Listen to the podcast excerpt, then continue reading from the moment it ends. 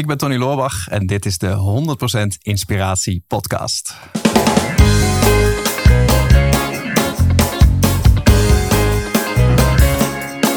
Hey, wat goed dat je luistert. Hij staat weer voor je klaar. Je wekelijkse dosis inspiratie is weer daar. De allerleukste gasten geven al hun kennis prijs. Met je veel te blije host, hij praat je bij. Zijn naam is Thijs. Thijs,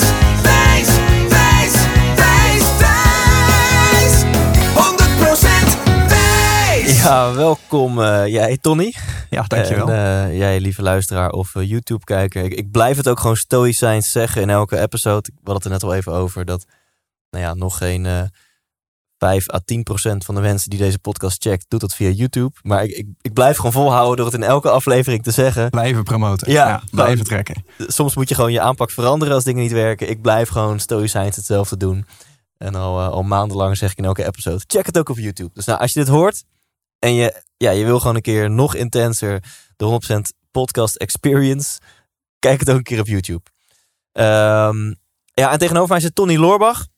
Je kent Tony eh, nou, wellicht als, als een soort van halfgod in online marketing wereld. Ehm, je kan Tony kennen als eh 50% van de Psychologie van Succes podcast. En die andere 50% is Albert Sonneveld. Ehm, nou ja, je hebt meerdere boeken geschreven, onder andere de Online Marketing Tornado. Eh, je hebt vooral heel veel boeken gelezen. Laatst in zes weken tijd 30 stuks. Klopt. Ja. Eh, je houdt ook wel van een challenge. Eh, ja, bekijk Tony op Instagram en dan zie je hoe die twee keer al, geloof ik, in zes weken tijd, hoe jij je lichaam hebt getransformeerd. Mhm. Dat is ook wel inspirerend om te zien als je gewoon ergens vol voor gaat, zes weken, wat, eh, wat mogelijk is. ja, drie keer als je de transformatie naar terug bij afstand meerekent. je, je, je, hebt- daarna heb je het omgedraaid. Ja, ik ben het te- tegenovergestelde gaan doen. Dat was veel makkelijker en ging veel sneller. Om zeg maar niet ripped te worden. Ja, ja, ja, dus dat is zeg maar zes weken gewoon pizza en, Ja, en niet trainen. Gaat heel snel. Ja. Ja, bizar is dat. Mhm. Dat is wel weer eh, scary. Nou, dat, dat kan dus ook, dames en heren. ja. Dus ehm, ja, wil je snel naar een hoogtepunt of snel naar een dieptepunt? Nee, en wat ik tof vind aan deze episode, nu al, want dit is live. Deze intro neem ik niet achteraf op. Maar ik ben nu net zo nieuwsgierig als de luisteraar wat komend uur of eh, meer gaat komen.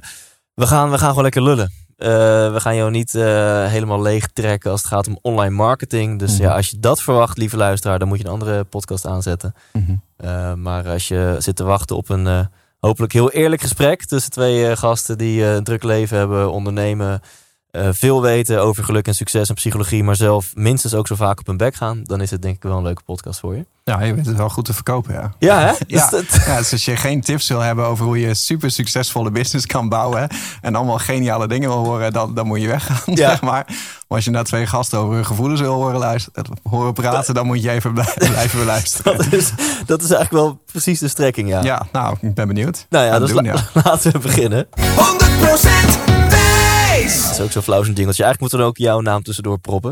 Uh, daar nee, kunnen we een soort van improviseren. 100% Tony!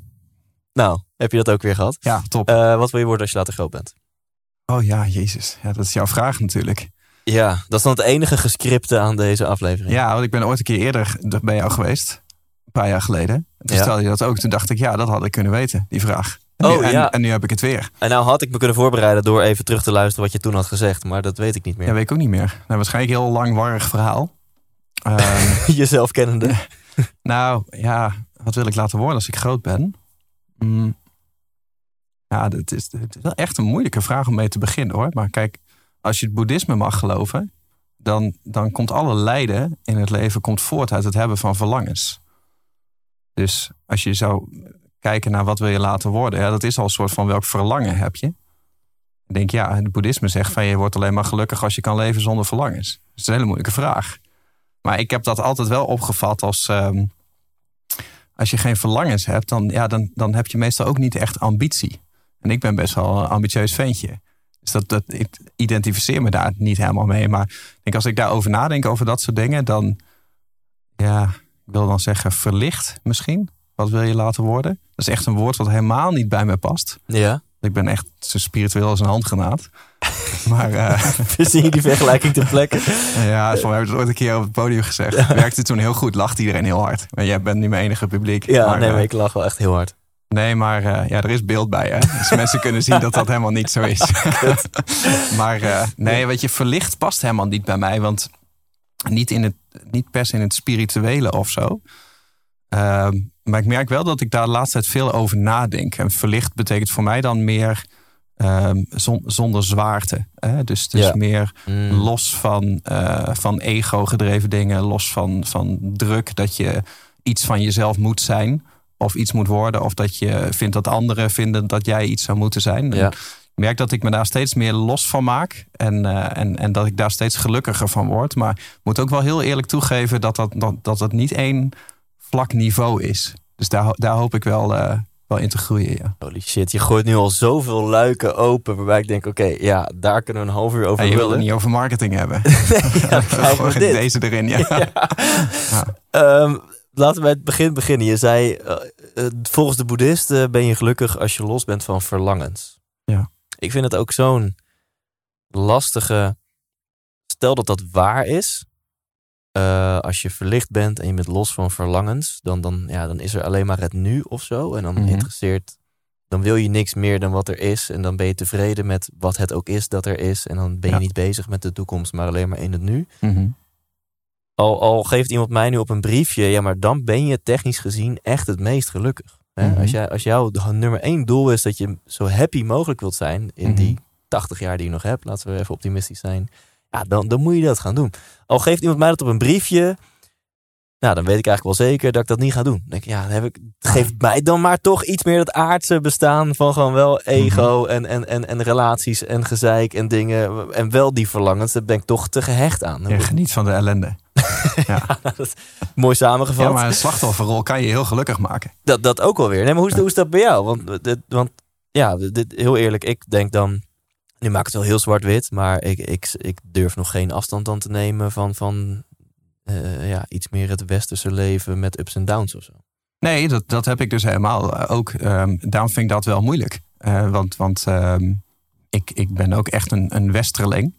En weet je, ik, ik ben ondernemer, ik heb meerdere bedrijven. Als je van de buitenkant naar mij zou kijken, dan gaat het toch heel veel over ambitie en over uh, geld verdienen. En ik sta op een podium en ik heb een podcast en, en, en ik maak video's. Dus, dus het is heel erg ego gedreven. Hè? Dus je laat de hele dag aan de wereld zien, kijk, kijk mij nou eens. Ja. En als je, tenminste als ik op het podium sta, um, ja, daar hebben mensen nog een kaartje gekocht. Dus nou goed, dan ga ik ervan uit dat ze willen weten wat ik te vertellen heb. Maar ook zo'n podcast bijvoorbeeld, van ja, het is toch een beetje egocentrisch of narcistisch of zo. Dat je jezelf zo goed vindt dat jij dan aan andere mensen gaat vertellen hoe ze zouden moeten leven. Ja. Dus ik merk dat ik daar wel, ik worstel daar wel mee. Ik vind dat het me, het brengt me heel veel vanuit ambitie en um, ik, ik merk ook dat ik het doorgroei. Dus ik, ik, ik kan echt schommelen tussen. Het ene moment kan ik mezelf echt helemaal de shit vinden. En, en het andere moment kan ik echt een hekel aan mezelf hebben. Ja. Dus dat, dat, wisselt echt. Ik kan, ik kan heel gelukkig zijn, maar ik kan ook op sommige momenten ineens zonder reden intens ongelukkig zijn. Ik kan, ik kan heel goed loslaten en disconnected zijn, maar andere momenten ben ik zo extreem verslaafd aan mijn telefoon dat ik echt denk van, jongen, waar ben je mee bezig? Ja. Dus ja, ik merk, ik, ik, vind dat, ik vind dat wel lastig. En dan zou het heel mooi zijn als je verlicht kan raken. En dat betekent dan leven zonder ego, uh, leven zonder oordeel of zonder vooroordelen. Uh, inderdaad, in het nu, dus verlost van de zwaarte. En dan is eigenlijk alles wat is, is oké. Okay.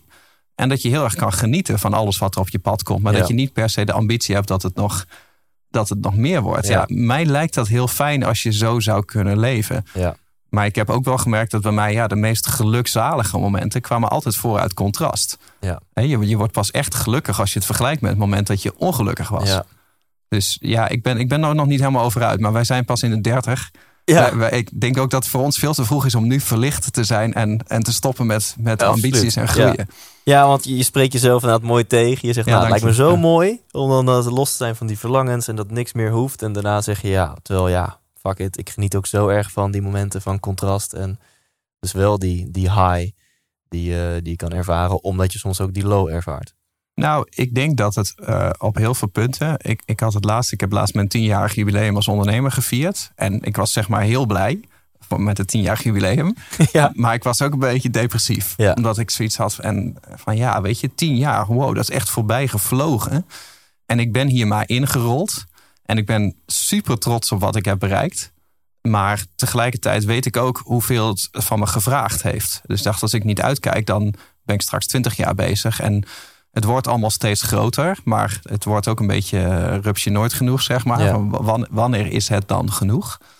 Ehm, en ik merkte aan mezelf daar toch, toch ook wel dat ik dacht van ja, er, er begin, ik begin nu een beetje te twijfelen daar, uh, daarover, zeg maar. Hè, over, uh, ik ben even het punt kwijt wat ik wilde maken. Maar, uh, ja, dat, dat, dat je aan de ene kant uh, met het tienjarig bestaan super happy was. Aan de andere mm -hmm. kant dat het je ook een beetje depressief maakte. Want je dacht, ja, ga ik dan nog tien jaar hetzelfde doen? Ja, ik, ik weet alweer. Dat, ja. dat het zeg maar... Ik, hè, dus ik merk bijvoorbeeld dingen zoals... Ik ben altijd extreem kritisch op mezelf. En dat heeft me heel ver vooruit gebracht. Dus daar ben ik enerzijds heel dankbaar voor. Maar ik heb er ook vaak last van. Van, ja. van jezelf heel goed vinden tot een heel laag zelfbeeld hebben. Ja.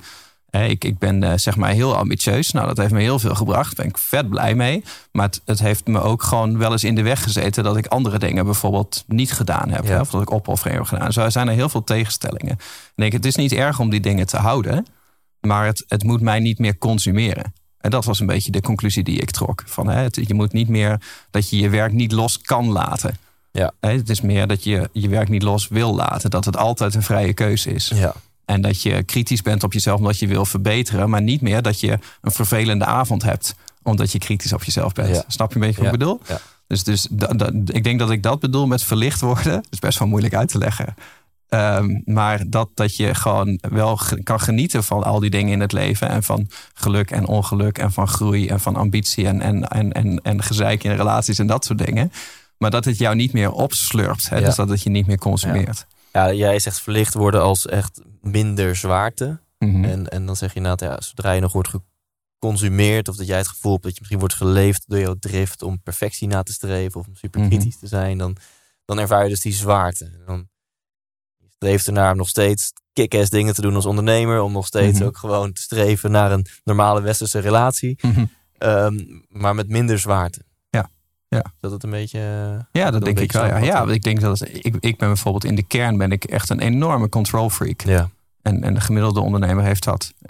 Jij zal daar misschien een klein, klein tandje van hebben. Ken je niet zo goed. oh nee, extreem. Extreem, extreem. Ja, En ehm, ik heb daar echt een sport van gemaakt om, om, om beter te leren loslaten. Dat is echt Ja. een beetje een rode draad in, in mijn business en in mijn eigen ontwikkeling. En ik merk ook dat hoeveel te beter ik word in dingen loslaten, des te gelukkiger leven ik heb. Dus te minder Ja. stress ik heb. Dus dat zie ik wel als iets wat, wat, wat door blijft groeien. En, eh, en dat is ook met minder zwaarte. Dat, dat, dat kan echt in hele grote dingen zitten. Dat je bijvoorbeeld piekeren is iets zwaars. Hè, of eh, angst voor de toekomst. Ik heb dat in mijn business heel erg. Hè, omdat ik ooit eh, financieel moeilijk heb gezeten. En dacht dat het tekort was.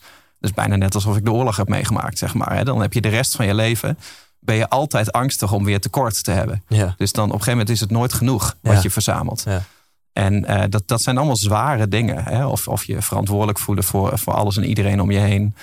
Eh, maar dat kunnen zelfs hele oppervlakkige dingen zijn. Zoals bijvoorbeeld op social media. Dat je op een gegeven moment eh, een uur per dag op Instagram zit. ja, En dat je dat bijvoorbeeld niet los kan laten. Het zijn, dat, dat, dat voel ik een beetje allemaal zwaarte. ja. En dan denk ik van dat, dat, zou, eh, dat zou ik wel los willen laten. Ja. Dat soort dingen. Ja, en dan is de vraag, maar dat, ik zal eerst wat, eh, wat vertellen over mijn control eh, freakness. Om Ja, ook eh, goed dat je het doet. Want ik zou jou inderdaad ook vragen stellen. ja, om jou een beetje te verzachten dat niet jij de enige bent die, die shit heeft. Maar de vraag die ik zo aan je wil stellen is, is waarom dan? Hè? Dat is ook altijd interessant van nee, maar waarom werk je dan zo hard? Of heb je die afgelopen tien jaar zoveel offers gemaakt en zo kritisch geweest om al die dingen te puur om het bouwen? geld. Nou, dat is op zich goede geld, geld en aandacht. Ja. ja, ja. Ja, geld En, en, en aandacht. dat, dat vrouwen je dan het interessanter vinden. Dat zijn een beetje de drie eh, Ja, die rode draad vormen. maar vertel. Ja, terug naar jou Thijs. Nee, ja, jij, jij zei heel voorzichtig, ben jij niet een beetje van controle? Nou, het wordt bijna een soort van rode draad in deze podcast, want ik heb het er heel vaak over. En in mijn nieuwe theatershow toch een stukje marketing tussendoor. Dames en heren, hoe de fuck vind ik geluk de theatershow in, een, in mei in het theater bij jou in de buurt. Mm. Vertel ik er ook uitgebreid over. Maar ik kwam er pas echt achter eh, hoe erg ik van controle ben toen ik... ehm, eigenlijk begon twee jaar geleden toen David de Kok, vriend van de show... die vroeg of ik een zweethut-ceremonie eh, wilde doen. Mhm. Nou, een zweethut is gewoon een sauna, maar dan zo heet dat je doodgaat. En dat leidt tot inzichten. Dat is een beetje de samenvatting. Oh ja. En eh, echt twee jaar geleden vroeg hij al, wil je mee? En ik voelde echt aan alles dat ik het zo ontzettend eng vond. Dus ik zo, ja. En volgens mij vond mijn lichaam het zo eng dat, dat hij zoiets had van... oké, maar deze gast gaat het, ondanks dat hij het heel eng vindt, toch doen.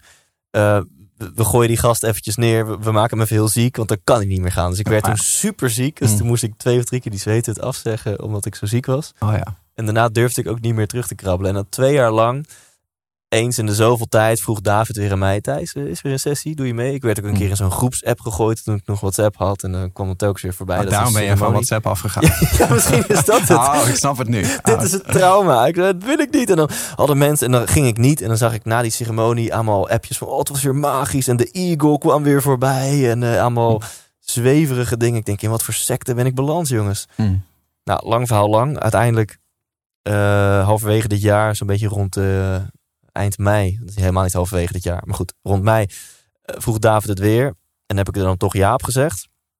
Dan ben ik samen met een eh, vriendin er, eh, erin gegaan. Ehm, en ehm, uiteindelijk is het een heel romantisch verhaal. Maar daarvoor moeten mensen maar naar mijn show komen. Dat is dan Mm. eventjes de cliffhanger. Goeie pitch. Ja. Een hele goede pitch dit. En, ehm, eh, maar wat wil ik zeggen? Dan ga je dus die hut in. En het- level van informatie wat ik wilde hebben voordat ik die hut in durfde, dat had David nog nooit meegemaakt. Ik sprak Hm. laatst iemand die was tijdje geleden die hut in geweest. En David had ook tegen haar gezegd van ja, ik heb nog nooit in al die jaren iemand meegemaakt die zo angstig was als Thijs. dus dat, dat was, was ik toch uniek. voor, Ja, voor mijn ego toch leuk. Dit is eh, voor mij ook wel confronterend, want eh, ik ga eh, volgende week gaan wij ook met een clubje, niet een zweethut, maar een ceremonie met, met Jesse van der Velde. Ja. Nou, als er iets, iets ver van mijn persoonlijkheid afstaat, is het, is het zoiets. Maar ik heb het toegezegd van ja, jong, Oh, oké, ja. ik ga wel gewoon mee. Maar ik, het enige wat ik ervan weet, is dus het woord ceremonie. En meer, meer weet Ja. ik niet wat er gaat gebeuren. Dus ik had Jesse drie dagen geleden geappt van...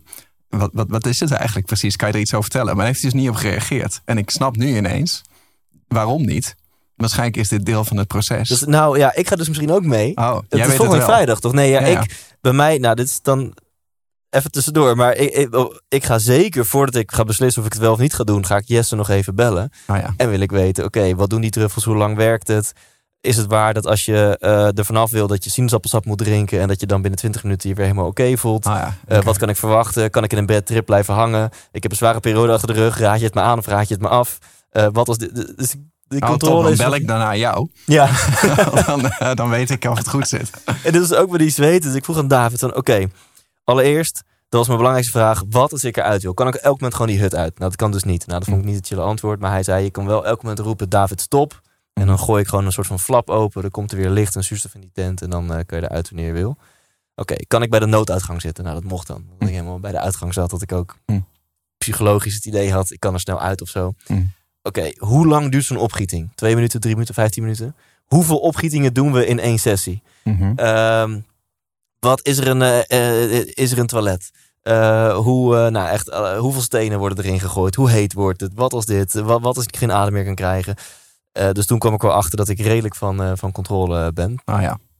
En ehm, terwijl, eh, nou laat ik het maar gewoon verklappen, mijn vriendin die dan meeging, wat door, mede door die ceremonie mijn vriendin is geworden, haar, zij interesseerde het helemaal niks. Ze ging gewoon die hut in en ze had geen idee wat er ging gebeuren en ze vond het Hmm. allemaal best. Dus ik dacht, wow, oké, dit is wel extreem.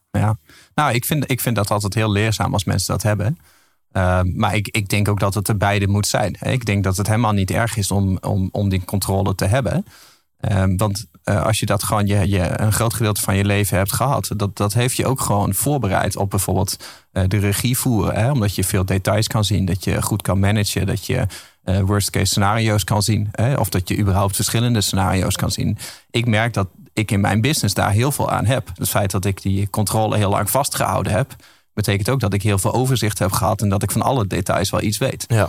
Um, alleen op een gegeven moment uh, kom je jezelf tegen en dan merk je, oké, okay, maar nu consumeert het mij. Hè? Want um, ik leef niet meer vrij, maar ik zit vast in mijn eigen controle. Hè? Wij hebben daar volgens mij, wij zijn een jaar of twee geleden of zo naar Frankrijk geweest. Toen Ja. met Albert ook. Toen Ja. hadden we het hier ook over. Hè? Dat je uh, gewoon gedurende je leven gewoon steeds meer naar je toe trekt en, Ja. en vasthoudt. Uh, wat eigenlijk een heel onnatuurlijk iets is. Hè? De natuur is niet per se bedoeld om iets te pakken en dat vast te houden tot, tot, tot in de kist, zeg maar. Maar de natuur is veel meer van je, je gebruikt iets en daarna geef je door. Het Ja. is bijna een Circle of Life Lion King principe, zoals Mufasa het uitlegt. maar da- daar heb ik het ook van geleerd. maar, maar de bedoeling is van hey, je, je, je, je geeft iets door en, um, en je geeft iets mee. Het is niet dat je op een gegeven moment eh, eh, gewoon op je sterfbed ligt en je denkt van hoeveel heb ik verzameld. Het gaat om hoeveel heb je achtergelaten. Dat, is- dat is het verschil. En dat merkte ik ook van oké, ik moet niet de hele, mijn hele leven dingen verzamelen en dat zo krampachtig vasthouden tot het bloed uit je knuisjes is. En, want dan zie je al aan, de, aan, aan je hele fysi- fysiologie van dit is niet Ja. hoe het bedoeld is. Dit Ja. kost stress, dit kost energie, eh, er, is, er is angst. En eh, vanuit angst leven is, is, niet een, is niet een fijn leven. En ik herken heel goed wat je zegt met zo'n zweethut. Want ik moet alles weten, ik moet alles controleren. Maar ik denk dat daar dus de ontwikkeling in zit. Dat het een illusie is dat je alles kan controleren. En dat je gewoon moet focussen op, ehm, eh, op het vertrouwen hebben in. Ja. Dus vertrouwen hebben in, eh, in dit geval bijvoorbeeld om de mensen om je heen. Dus de, bijvoorbeeld de vraag die je zelf kan stellen is: vertrouw ik David? Dat is, misschien, dat is misschien een confronterende vraag, hè? maar vertrouw ik die andere mensen die meegaan? Ja, ja. En eh, dat, dat, dat, ik vind dat ook heel moeilijk. Maar Ja. ik vind het wel een interessant eh, ontwikkelproces. Nou, je hebt het over de circle of life. Als we het hebben over de journey of life, is dit volgens mij in je, in je hele persoonlijke ontwikkeling. Ja, een beetje de belangrijkste reis die je te maken hebt, is om van buiten naar binnen te gaan. Want inderdaad, als je die controle mindset blijft houden in je leven en op alles toepast, dan ben je dus telkens weer van omstandigheden afhankelijk. Dus je moet eerst geruststelling van David en geruststelling van dit en dat. En wat het ook is in je business, in relatie, in whatever. Mhm. En, en dan, als je van de buitenkant alle geruststellende informatie hebt, dan sta je jezelf toe om.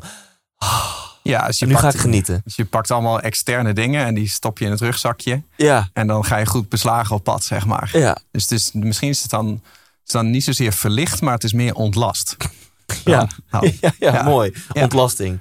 ja, Ja. Ik denk, en als we het dan in een podcast over hebben, dan verblijden we andere mensen met onze ontlasting. Ja, ja. ja. ja. Ja, ik denk Ja. dat dat een mooie levensmissie is. dus, dus streef naar verlichting, niet naar ontlasting. Ja. Dat is een beetje de, de journey waar we in zitten.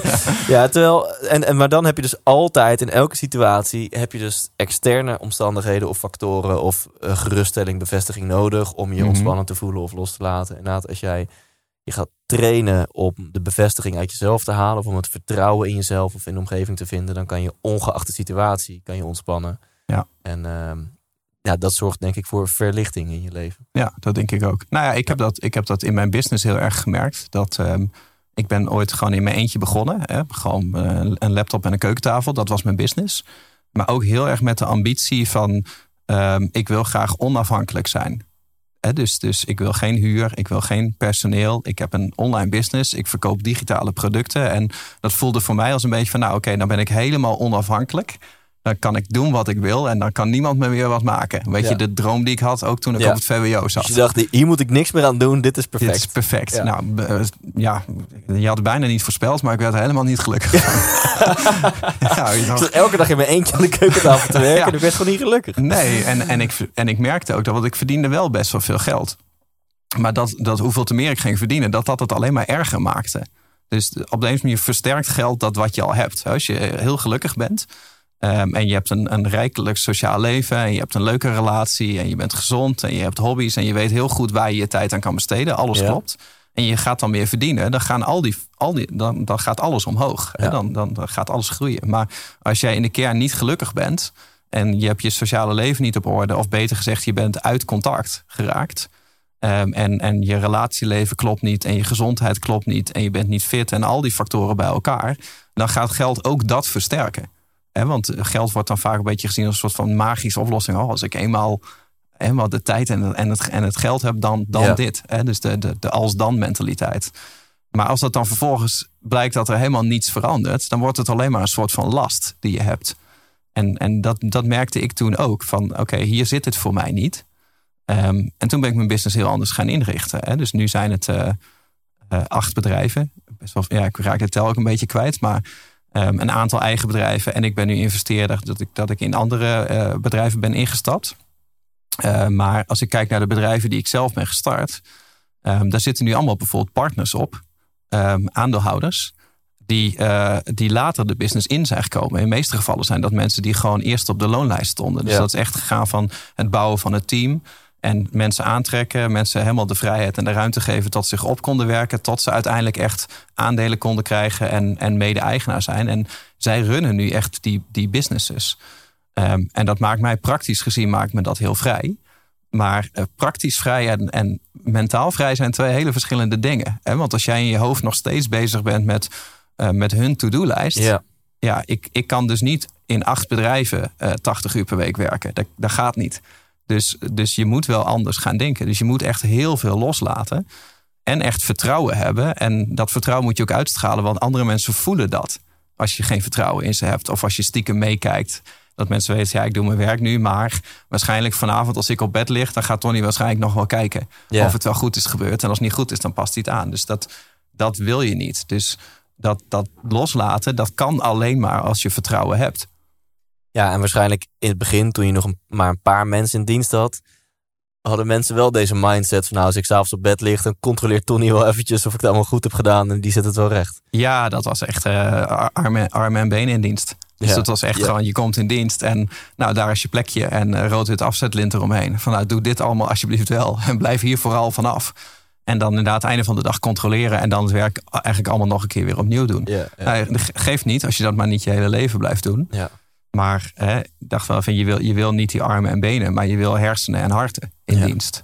En dan nog, eh, nog even één stapje terug. Toen je aan je keukentafel zat en je had je droom verwezenlijkt en je kwam erachter, oké, dit maakt niet gelukkig.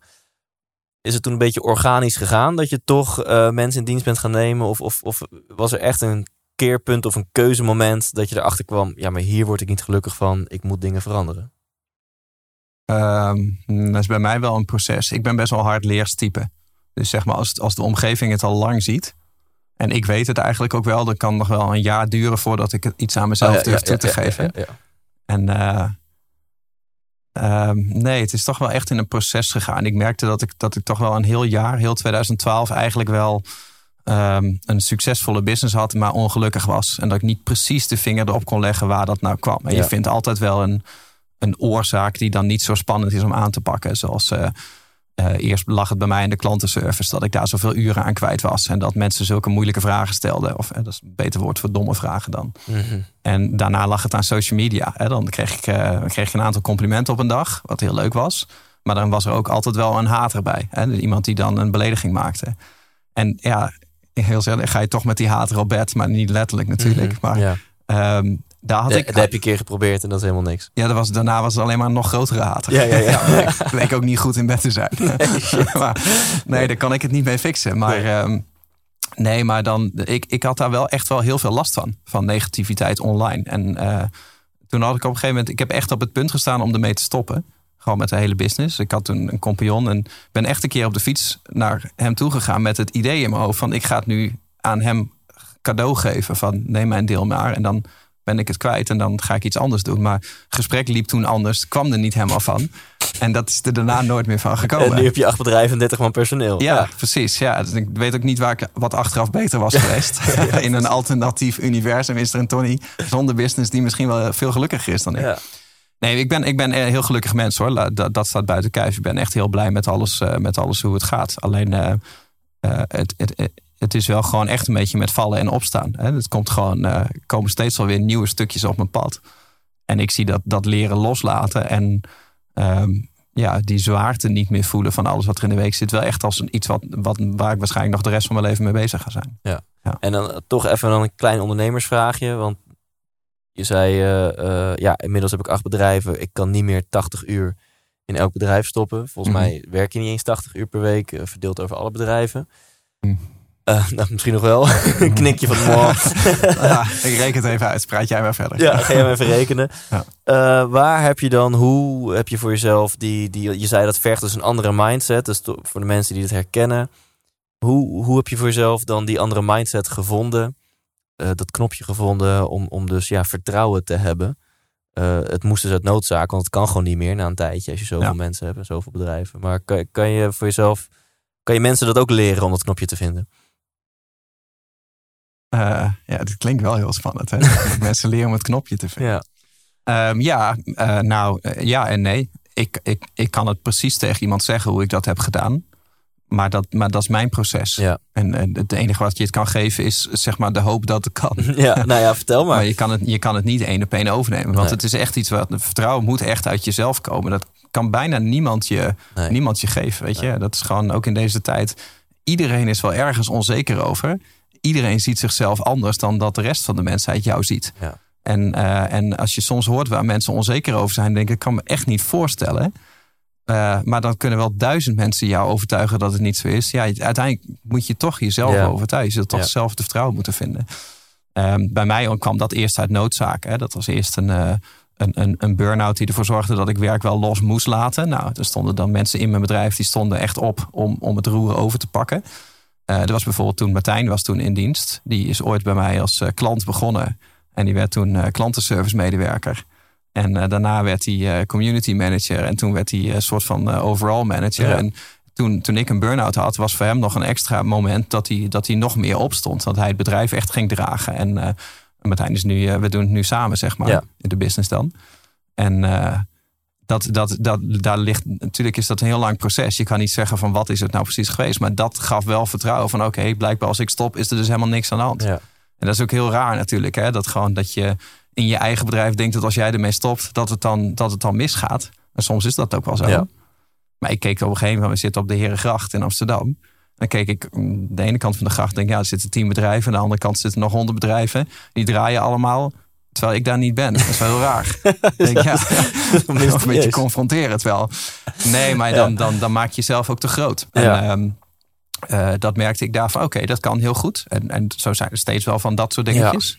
En met meerdere bedrijven had ik zoiets van, oké, eh, ehm, als ik twee bedrijven heb, ik kan letterlijk niet in elk bedrijf gewoon 80 tot 100 uur per week werken. Zoveel uren zijn er niet. Dus ik moet gaan kijken naar twee dingen. En dat is, ehm, hoe kan ik ervoor zorgen dat ik niet meer eh, in de operatie van het bedrijf werk. Dus dat andere mensen runnen eigenlijk het bedrijf. En ik zou alleen maar die mensen hoeven coachen. Hè, want, want met coaching kan dat wel. En tweede, zeg maar de dingen die ik dan nog wel zelf doe. Dat zouden dan ook de dingen moeten zijn die per se ik zou moeten doen. Ja.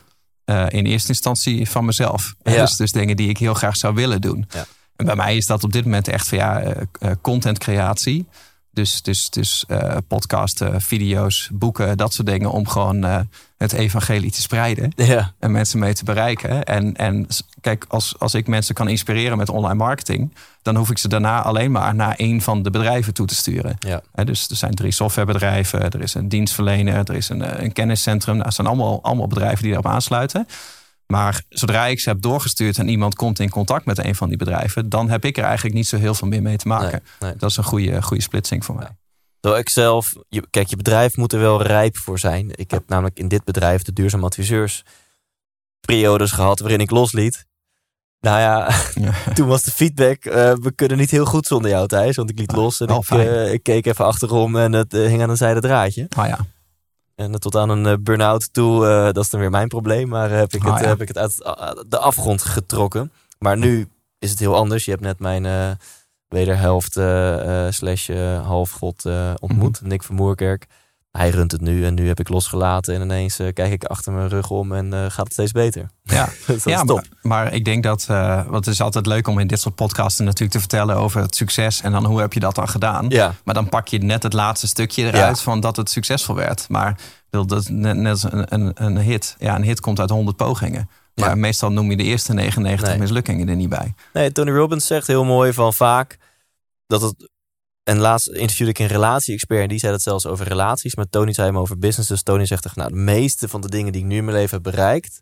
Als ik van tevoren had geweten hoe de weg er naartoe eruit zou zien, wat er allemaal voor nodig was, was ik never nooit begonnen. Nee. Maar van tevoren ben je altijd veel te optimistisch. En Mhm. zie je zo die droom voor je en begin je maar gewoon. Maar als je toen eh, een soort van orakel had die tegen jou zei, ja, maar dit is de weg er naartoe. Dan had je gedacht, eh, nou, fuck die shit. Ja. En een relatie-expert die ik laatst interviewde, die legde die analogie, die metafoor op een relatie. En die zegt van ja, eigenlijk is verliefdheid een soort van narcose van de natuur. Mm. Want als je aan het begin, als jij een leuke chick ontmoet, zeg maar, en je zou dan te horen krijgen, ja, maar als je 10 of 15 jaar met haar samen bent, is dit alle shit die je op gaat leveren? Nou, dan zou je never nooit eraan beginnen. Dus daar heeft de natuur een oplossing voor bedacht. Want die wil Ah, toch ja. dat Tony zich ook voortplant. Heel graag zelfs. En daarom Ah, ja. is daar verliefdheid op bedacht. Zodat je tenminste Dat je niet 18 meer logisch maanden. kan nadenken. Ja, dat je 18 maanden in die, in die hypnose zit. Ja, en daarna zit je al zo diep in de wedstrijd dat, dat, dat, dat je wel blijft. En dat het een hopelijk een mooie relatie wordt. Maar goed, Nou, ook ja. altijd natuurlijk met ups en downs. Nou ja, En, kijk, eh, we, we hebben het steeds over eh, zwaarte en eh, verlichting en zo. Nou, had ik helemaal niet verwacht dat we het daarover zouden hebben. Maar het is best een interessant onderwerp. Maar jij noemt nou liefde. Maar eh, kijk, Nietzsche zei, alleen de liefde kan de mens verlossen. Dus, dus daar, daar zou het in principe kunnen, kunnen zitten. Alleen, ik heb ook wel eens in de Psychologie van Succes podcast een rijtje gemaakt van ja, eh, zeg maar, houden van iemand. Ehm, houden van kan leiden tot eh, bezitsvorming. Ja. Hè? En, en bezitsvorming kan, kan leiden tot eh, jaloezie. En jaloezie kan leiden tot boosheid. En boosheid kan leiden tot haat. En haat is bijna een directe definitie van lijden. Dus, dus liefde leidt in heel veel gevallen tot, tot lijden. Ja. En dus als je niet wil lijden, kan je, kan je beter niet lief hebben.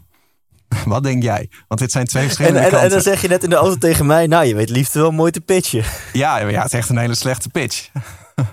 Maar wat is je vraag? Nou, eh, welke kant zoek je het dan? Is, is, is liefde de, de verlossing? Is het het oplossen Ja. van het lijden? Of is liefde juist de oorzaak van het lijden? Oh, oh, oh. Ja, jij zegt geld legt een vergrootglas op je leven. Ik denk dat, dat liefde, een intieme relatie, pas echt een vergrootglas legt op je leven. Mhm. En dat er is iets in intieme liefde. Ik weet het antwoord niet, hè, dus ik lul er omheen. Ja, ja. Maar er is, is iets in intieme liefde. ehm, wat, wat meer dan wat dan ook, wat meer dan je werk, wat meer dan vriendschappen, je een dikke vette spiegel voorhoudt. Mhm. En ik weet niet of dat is omdat intieme liefde gewoon veel intenser is dan de liefde voor je vrienden of voor je business of voor andere activiteiten in het leven. Dat intieme liefde zo erg lijkt op die onvoorwaardelijke liefde die je ook wil of hebt gehad of hebt gemist van je ouders. Dat dat weer alle patronen naar boven haalt van, van ja, jouw eigen tekortkomingen en je eigen trauma's in je jeugd en als babytje, weet ik wat allemaal. Maar ja, er, er is iets in intieme liefde in mijn beleving, wat, wat, wat echt zo'n vergrootglas legt op, op, eh, op wie je bent en zo'n spiegel voorhoudt. Mhm. En ik denk dat het daarom dat het antwoord dubbel is. Dat het daarom de, de kracht heeft om je helemaal kapot te maken. Toch? Liefde kan je gewoon helemaal Je kapot blijft het maken. echt goed verkopen wel. Maar het heeft ook de kracht om je echt alle euforie en groei en magie en spirituele groei te brengen die je maar wenst. In de, en verbinding eh, niet in de laatste plaats, die Ja. er maar is. Ja, dat, dat denk ik ook. Ik heb hem, ik heb hem ook een keer aan, eh, aan Albert voorgelegd destijds. Denk, heb Ja. ik een moeilijke vraag, heb ik hem mooi te pakken. Want Albert weet altijd alles. Ja. En dan had ik hem ook dit, dit lijstje. Ik zei, ik kan beter niet lief hebben, is altijd lijden. Toen zei hij, ja, dat klopt. En ze zei, tenzij, want er is één factor die daarin alles bepalend is. En hij zei, dat is overgave. Hè, zei, op het moment dat je vol overgave kan, kan liefhebben... en gewoon in het moment kan zijn, dan, eh, dan is er geen angst. En, en dat andere rijtje, zeg maar, hè, van dat, dat liefde tot eh, eh, bezitsvorming, jaloezie, boosheid, haat leidt... Dat, dat zijn allemaal factoren die uit angst komen. Ja. Dus als er geen angst is, dan, dan, klopt, dan klopt het niet. En dat komt eigenlijk heel dichtbij waar we, het- waar we het nu over hebben. Hè? Als je het hebt over loslaten, minder zwaar leven. Eh, dat, dat zit hem met name gewoon in het hebben van vertrouwen. En, en als er vertrouwen is, kan er geen angst zijn. Hè? Dat Ja. is wat Martin Luther King ook zo prachtig zei. eh, angst klopte op de deur. Vertrouwen deed open en zag niemand staan. En ik denk dat vind, ik vind dat ergens wel mooi in het, Ja. ehm, natuurlijk in het gewone leven. Maar ik zie altijd heel erg de parallel in, in business. Met, eh, het, het klinkt zo oppervlakkig van je, je neemt iemand in je team aan en je besteedt werk uit. Eh, of ik gooi iets over de schutting. Vind ik altijd zo'n vreselijke, vreselijke term. Eh, maar ik denk van nee, het, het gaat meer om dat je, dat je samen iets aan het bouwen bent. En dat je elkaar helpt. Ja. Maar eh, je kan alleen maar iets. Hè, er is alleen maar synergie. Dat het, dat totaal meer is dan de som der delen. Als er vertrouwen is. Ehm, en, en als je niet vanuit angst bezig bent. En ik heb dat echt in de business. Ik heb dat zo vaak gezien. Want ik zit er nu 13 jaar in. En ik heb verschillende mensen, verschillende teams, samenstellingen, verschillende culturen ook gezien. En ik elke keer als er iets misgaat, dan is dat gewoon dat mensen geen vertrouwen in elkaar hebben. Ehm, ofwel omdat er eh, niet eh, in overvloed wordt gedacht. Hè? Dus dat Ja. er in schaarste wordt gedacht en in angst. En als je vanuit angst denkt, dan word je territoriaal. Dan durf je geen taken af te staan. Dan ben je, ben je bang dat iemand anders misschien iets krijgt wat, wat jij niet krijgt. Dan ben je bezig met erkenning in de business hè, of in je, in je carrière. En dat zijn allemaal hele zwaar beladen onderwerpen. Ja. En eh, ik, ik vind het nu leuk, want wij zijn nu bezig. Ons team groeit echt intens hard. En ik vind het heel raar in het coronajaar dat we... We hebben dit jaar al tien mensen aangenomen die nog nooit een pre-corona tijdperk hebben gekend bij ons. Ja. Maar toch, als je dat in een Zoom-call dan al die kopjes bij elkaar ziet, je voelt het op de een of andere manier of er, of er vertrouwen is. Ja. En, eh, en dat, dat vind ik echt prachtig om mee bezig te zijn. Ja, en denk ik in een, eh, laat ik bij mezelf houden, ik ben echt niet in staat om in een relatie alles vanuit vertrouwen te doen. Er is altijd angst. Ik bedoel, als je zoveel om iemand geeft, als iemand jou zo dierbaar is, Mhm. Je moet er niet leven. Als je daar continu zit, dan eh, wordt het voor niemand leuk. En er is er maar één mogelijke uitkomst. Dat is dat je angst gaat uitkomen. Maar als je om Ja. iemand geeft en iemand is jou super dierbaar. ehm, tuurlijk ben je tering bang ook dat dat, dat van je afge... Dat, dat- of ja, dat Mhm. diegene je gaat verlaten. Of dat, dat, eh, dat diegene bij je weggaat. Dat hoort er denk ik ook bij. Mhm. Ja. Ja, dat denk ik wel, ja. Ja. Nou, zit je ook gewoon glazig aan te kijken. Ja, en eh, misschien dat sommige mensen nu luisteren en denken... ja, Thijs, ik ben verlicht en ik zit eh, met alleen maar vertrouwen in mijn relatie... en ik heb totaal geen angst. En, eh, maar vol- volgens mij is het, tenzij je verlicht bent... is er denk ik altijd... de vraag is hoe groot is die component... maar ik denk dat, dat als je van iemand houdt... dat er standaard een angst bij komt. Ja, ik zit dan meer te denken van... dat is heel mooi dat je dan helemaal geen angst zou hebben. Maar dat zou je ook weer kunnen zeggen... is dat er een bepaalde vanzelfsprekendheid in is geslopen. En er is niks dodelijker voor Ja. een relatie... Dan dat, dan dat die vanzelfsprekend is. Nee, precies. Ik, ik denk, eh, als je echt helemaal angstvrij bent in je relatie... Dan, dan moet je misschien eerder achter je oren krabben van... Hmm, is er nog wel genoeg passie en, eh, en avontuur en zo? Want, Ja, eh, kan ik niet wat beters krijgen. Ja, ja. Weet je Dat, bij. dat zou ook nog kunnen, ja. Ja. Nou ja, de waarheid zal wel een beetje in het midden liggen. Alleen, ik, ik geloof wel echt in, kijk, eh, passie... eh, in, in passie zit, zit hem niet in dat inderdaad dat je er geen moeite voor hoeft te doen. En, en eh, dat er geen angst is. En Ja, eh, dat je er niet voor hoeft te vechten. En dat je er niks van hoeft, van hoeft te maken. Ik denk dat de grens wel wederom weer ligt van in, in hoeverre heeft het een negatief effect op jouw leven. Ja. Dus, dus je mag best een, een gezonde angst hebben dat iemand bij je weggaat. In de zin van ik, eh, eh, ik, ik heb iemand zo, zo lief dat ik mijn leven niet voor kan stellen zonder die persoon. En dat kan in de liefde zijn, maar dat, dat kan zelfs in business ook zijn. Weet je? Ik eh, zat vanochtend het boek van, eh, van Netflix te lezen over de Netflix-cultuur. En zij doen met personeel de keepers test. En dat is dan niet met voetballen. Maar die kijken gewoon per personeelslid van als deze persoon nu tegen mij zou zeggen dat hij weggaat. Hoeveel moeite zou ik dan doen om deze persoon bij mij in Oh, dienst ja. te houden? Ja. En dat is best wel een confronterende vraag. Maar ja, ik, ik, ik vind dat wel heel interessant om er op die manier naar te kijken. Hè? Ja. Zeker met mensen die, die, eh, die zo dichtbij je staan. Ja. En, en dan is het toch ook een soort van verlatingsangst, maar die, die is dan alleen maar positief. Maar het gaat te ver als jij eh, gewoon daar negatieve gevolgen van hebt, zoals stress, piekeren, slapeloosheid. Dat Ja. je in mijn geval je business aanpast aan één persoon, want dat, dat was niet helemaal de bedoeling. Of dat jij wat je zelf uit een relatie wil aanpassen, aan, aanpast op basis van wat je denkt dat de ander wil. Ik denk, dan gaat het je consumeren en dan raak je jezelf een beetje kwijt. Ja. Dat, dat, dat moet niet, nee. Hey, dan nu de vraag die ik een half uur geleden wilde stellen. Ja, top. Ja. Want dit was een klein zijweggetje, omdat jij Ja, zei... Nou was- ja, Ben je al aan het opnemen ook? ja, ja, ja, misschien wel. Ik hoop het wel. Dat jij zei, nou, ja, tien jaar ondernemer, groot succes, euforie, best day ever. En tegelijkertijd voelde ik me ook een beetje depressief. Want ik merkte, ja, oké, het heeft ook wel wat gekost de afgelopen tien jaar. Ja. Kan je bij jezelf die waarom-vraag beantwoorden? Wat, wat, wat is de reden dat je, dat je afgelopen tien jaar zo hard hebt gewerkt aan dit eh, imperium? Ja. Mm. Het vo- voelt voor mij gewoon echt als, als, als ja, iets wat ik, wat ik moet doen. Ja, of niet eens moet, iets wat ik wil doen. Ja. Ik vind het echt heerlijk om te bouwen.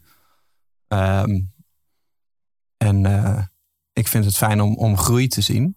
En, en er, zitten, er zitten een aantal hele gezonde dingen achter. Hè, zoals eh, ambitie om te groeien, om te bouwen, om de connectie met een team te vullen, vinden, om, om impact te maken. Eh, maar er zitten ook eh, minder positieve dingen achter. Hè? Zoals ja, financiële vrijheid bereiken kan je ook eh, anders verwoorden als rijk willen worden. Bijvoorbeeld. Ja, Hè? Of geen verantwoording willen afleggen aan andere mensen. En dat je daarom zelfstandig bent. Eh, of dingen zoals eh, ik heb ooit eh, te weinig geld gehad. Of dat ik angstig was dat het om zou vallen. Dus vanaf nu zal, zal de buffer zal nooit meer genoeg zijn. Hè? Maar hoeveel te groter het wordt, des te veiliger ik ben. Als ik niet één bedrijf heb, maar acht, dan heb ik, heb ik acht kansen, zeg maar. En Ja. er kan nog een keer één omvallen. Dus, dus die motivatie die zit er ook wel achter. Van, hè, ehm, blijven bouwen, blijven bouwen. Want zolang het goed gaat, dan moet het blijven groeien. ja, ja. Want je weet nooit wat de toekomst brengt. Terwijl als het dan een keer niet goed gaat, dan ga je ook bouwen. Want dan denk je, ja, ik moet nu extra gas geven. Ja. Dus en daar heb ik altijd gehad. Van, het gaat heel goed, dus ik geef nu extra gas, want nu kan ik oogsten. En dan vervolgens gaat het niet goed. Denk oh, het gaat niet goed. Nu ga ik extra gas geven. Want ik wil dat het weer net zo goed gaat Ja. als dat het... Ja, Ja, daar kom je nooit uit. nee. Dus, dus nee, ik- het, het, het grootste gedeelte is, is positief. Dat ik altijd wel wist eh, dat, dat ik gewoon iets groots wilde bouwen. Ehm, iets, iets liever wat groter is dan dat ik als persoon ben. Ik ben eigenlijk dus heel raar, want ik, ik, heb natuurlijk podcast en ik sta op het podium. Maar in de kern ben ik eigenlijk meer een achter de schermen type. Ja, ja. En, ik, en dat, dat was ook een, misschien een beter antwoord geweest op wat, wat wil ik laten worden. achter de schermen.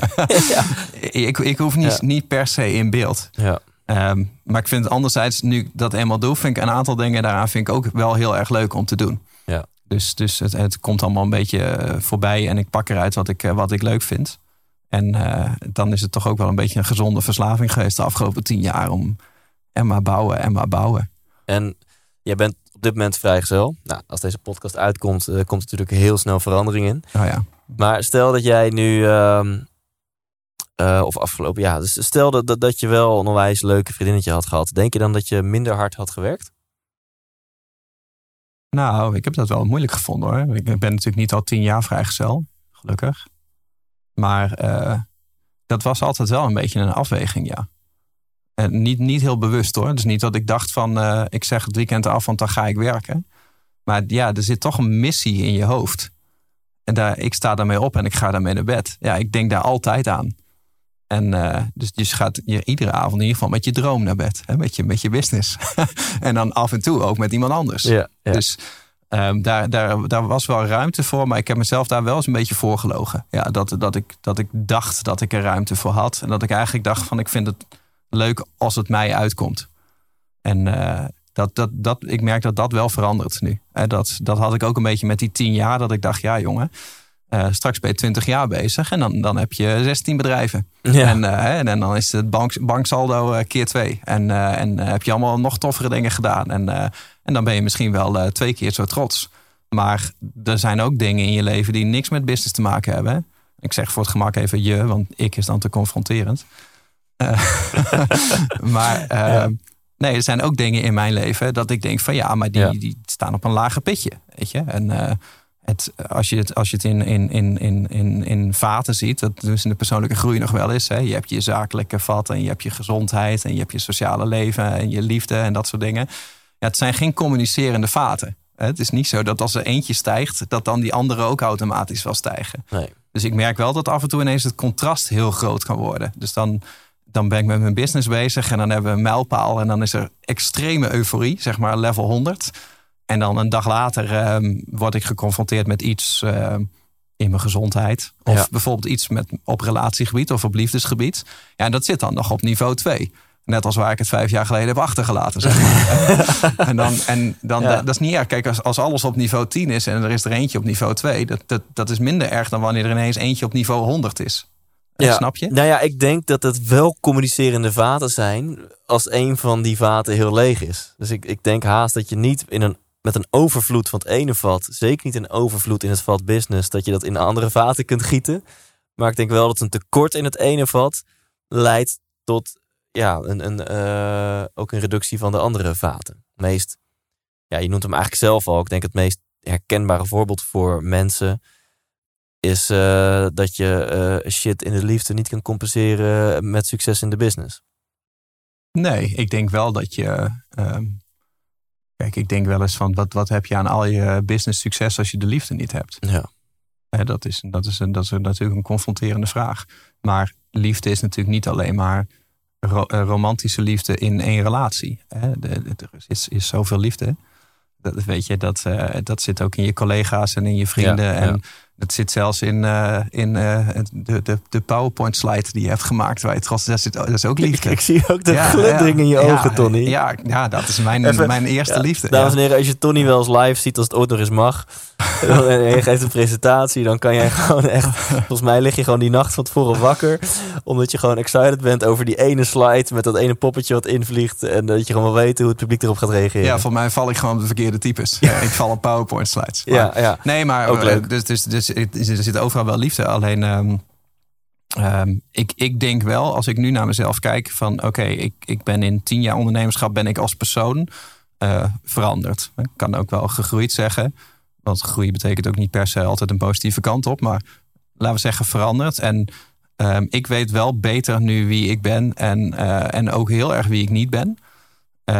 En en wat, wat ik leuk vind en wat ik belangrijk vind in mijn leven. En ik merk ook dat uh, de, de vrouwen bijvoorbeeld in mijn leven... zijn nu hele andere type vrouwen dan Ja. jaren geleden.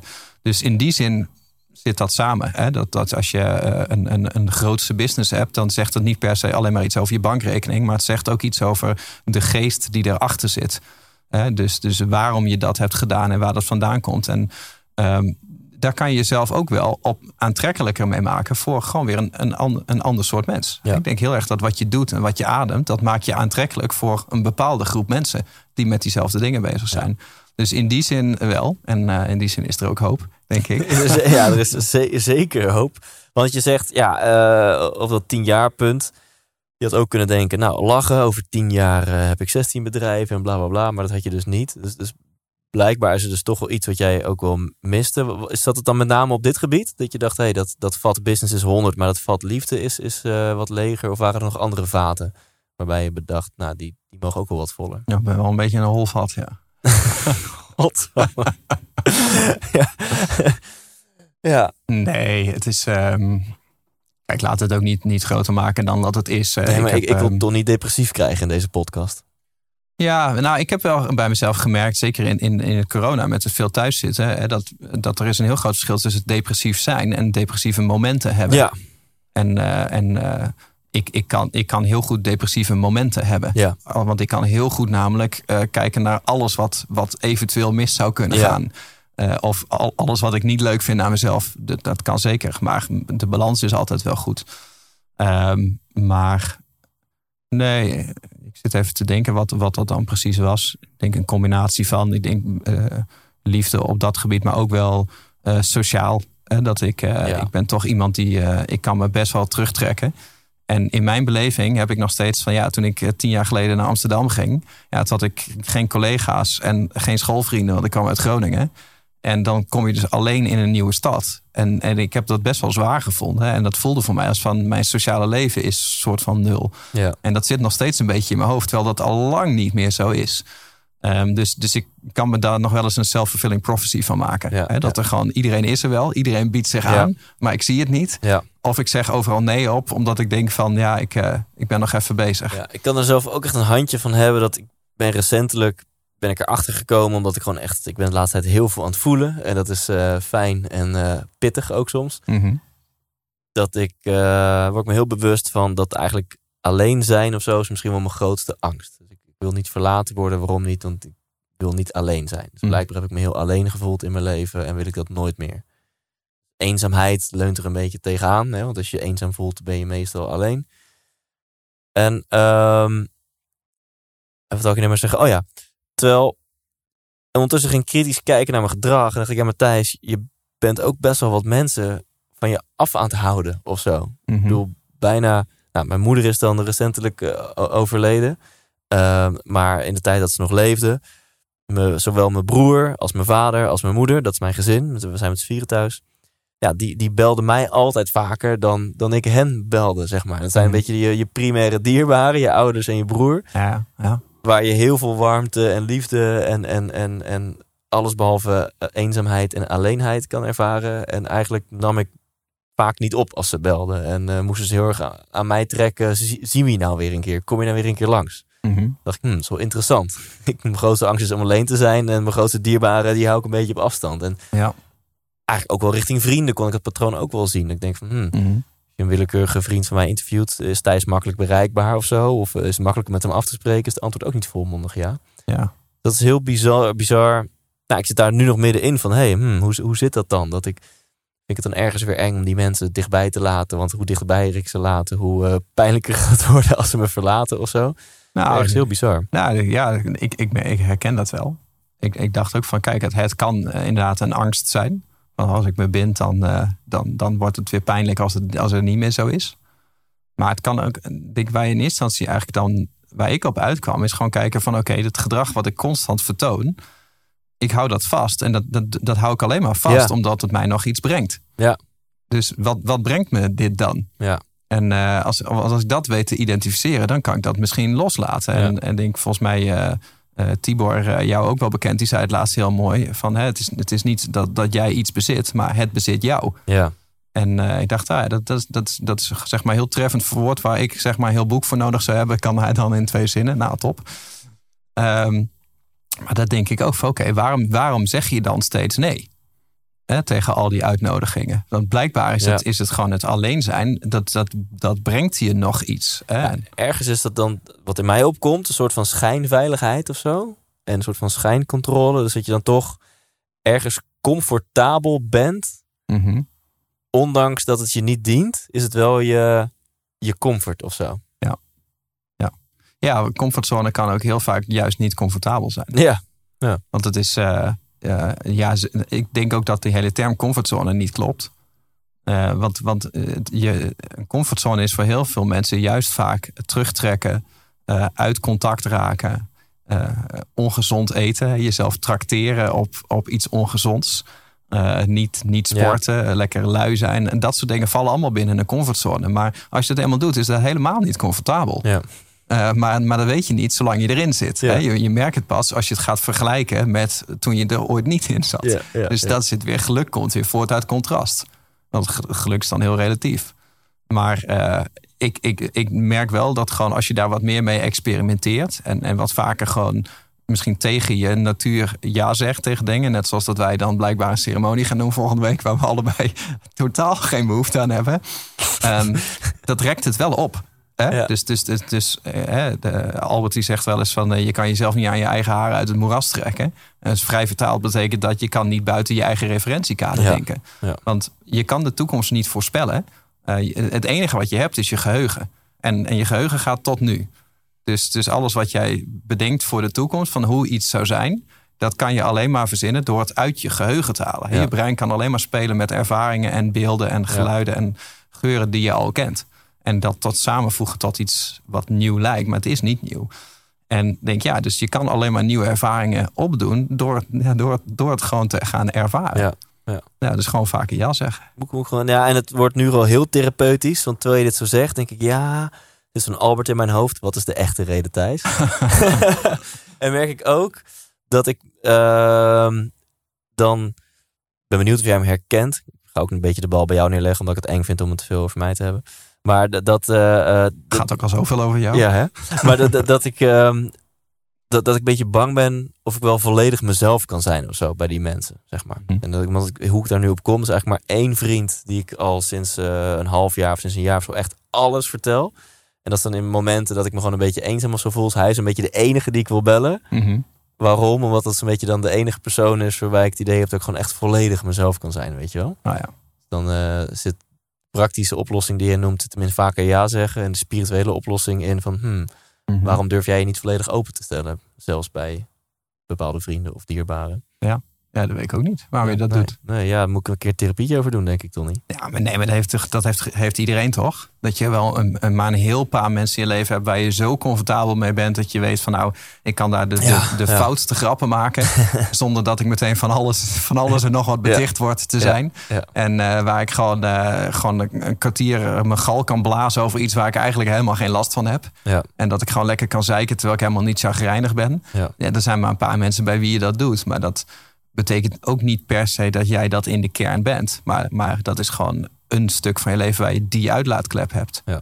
En bij mensen bij wie je een andere band hebt, heb je, ontdek je soms een kant van jezelf. Die je in eerste instantie denkt van dat ben ik niet echt. Want ik, ik, ik, ik, eh, ik, doe, een, ik doe een typetje bij deze persoon. Maar je laat dan wel een kant van jezelf zien die je misschien helemaal niet wist dat je die Ja, had. Ja, ja. En ik vind het heel tof dat je net eerlijk was over eh, ja, ook deze tijd van corona en zo. Hè, dat dan minder sociaal contact en dat ook Mhm. wel wat met je doet. Ik denk echt dat super veel mensen dat, eh, dat herkennen. Ja. Als ik naar mezelf kijk, dan we zitten nu denk ik zo'n zes maanden in dit spektakel van, eh, van corona. En de eerste twee maanden om aan te geven hoe, hoe verschillend je gewoon ik als dezelfde persoon op exact dezelfde situatie kan reageren. Want de eerste twee maanden van corona mocht helemaal niks. Zat echt alles dicht, een soort van lockdown. Mhm. En ik heb harder gewerkt dan ooit in mijn leven. Ja. Ik heb echt twee maanden lang alle registers opengetrokken. En iedereen in mijn omgeving zei ook van... nou, die Thijs gaat volgens mij naar een tweede burn-out. Mhm. Ik dacht, lekker. Ja. Eindelijk geen sportscholen Focus, meer. Geen afleiding meer. Er wordt niks meer van mij verwacht. Ik ben alleen, ik ben vrijgezel. En ik kan zo hard werken als ik maar wil. En niemand die er wat van vindt. Ik woon in mijn studiootje in Amsterdam. En ik ga... Heerlijk. Ik ja. heb een, een soort van wishlist wat ik nog allemaal wilde bereiken als ondernemer en online producten. En dat ga ik nu allemaal uit de grond stampen. Nou, dat heb ik twee maanden lang gedaan. En dat was misschien spiritueel gezien nog even twee maanden volledig in een oud patroon schieten. Voordat eh, iets Mhm. in mij zei: Oké, Thijs. En nu is het echt klaar voor eh, Thijs 2.0. Mhm. En daarna ben ik, nou, afgelopen vier maanden compleet die andere kant op geklapt. En eh, heb ik volledig toegegeven aan eigenlijk de vertraging die deze periode biedt. Ja. Zo van: Oké, de, de wereld ja, staat nu stil of, of eh, biedt nu vertraging. En in plaats van mezelf in een tweede burn-out te werken. Ik heb in principe geld op de bankrekening. Ik hoef niet te werken. Mhm. eh, kan ik ook gewoon die vertraging pakken Ja. die nu geboden wordt. Nou, Mhm. dat ben ik de afgelopen vier maanden aan het doen. Wat echt zo bizar is, want jij zal het ongetwijfeld herkennen. Ik ben nu acht jaar lang ondernemer. Acht jaar lang heb ik geleefd met de mindset van er is zo weinig tijd en zoveel te doen. Altijd achter de feiten aanlopen. Mhm. Als jij me afgelopen acht jaar op een gemiddeld moment had geïnterviewd, had ik altijd gezegd: Oké, mijn to-do-lijst is te vol, mijn mailbox is te vol. Ik heb het idee dat ik achter de feiten aanloop. Oh, ik haat dit gevoel. Ik wou dat ik een keer gewoon bij was met dingen. Mhm. Dus dat is soort van helemaal ingeprint van, nou, dit is blijkbaar wie ik ben, want het is al acht jaar lang zo. En ik heb nu echt sinds vier maanden bijna, sowieso wekelijks, maar bijna dagelijks zo'n moment van, oh, heb zoveel tijd en zo weinig te doen. Ja, vervelend. Wat, eh, ja, mijn mailbox, ja, nee, die is eigenlijk wel leeg. Ja, ja. Eh, mijn projectenlijst, ja, niet echt projecten die ik nu per se op wil pakken of zo. Nee. Aan mijn bankrekening, ja, ja, het staat, Ook wel goed mooi ja, leeg. ligt er prima bij. Ja, oké. Ja. Nou, dat zou ik eens doen. En dat is echt zo. Nou, en vervolgens ga je gewoon heel veel voelen en is dat weer groei en heel waardevol en zo. Maar wel Ja. bizar om echt. Dit had ik nooit verwacht de afgelopen jaren dat ik dit mee zou maken, zeg maar. Nee, eh, ik denk uh, iedereen en zijn moeder had dit niet uh, aanzien komen. Maar ik, ik, herken het wel hoor. Ik had het ook voor, voor corona had ik, had ik toevallig een zesweekse challenge gedaan. Dat ik in zes weken een boek had geschreven. Ja. En dat was eigenlijk een soort van zelfbedachte lockdown. Hè? Dus Ja. gewoon zes weken full focus. één dag in de week naar kantoor. Zes dagen was ik alleen maar, dat was dan een boek schrijven, zes weken. En tegelijkertijd mezelf droog trainen. Uh, en dat was gewoon thuis, in, want ik heb een home gym. Nou, er kwam een trainer kwam drie keer in de week langs. Dus die had voor mij een, een voeding- en trainingsschema gemaakt. En gewoon zeg maar echt op het, het maximaal haalbare in zes weken. Ja. En ik had mezelf opgelegd van dan ga ik tijdens die zes weken een boek schrijven. Dus het was echt zes weken lang was het trainen, schrijven, trainen, schrijven, trainen, schrijven. Nou, maar het is wel gelukt. En uh, ik dacht, wow, dit is gewoon een boek waar ik al jaren tegen opkijk. Dat op een to-do-lijst staat van het moet ooit.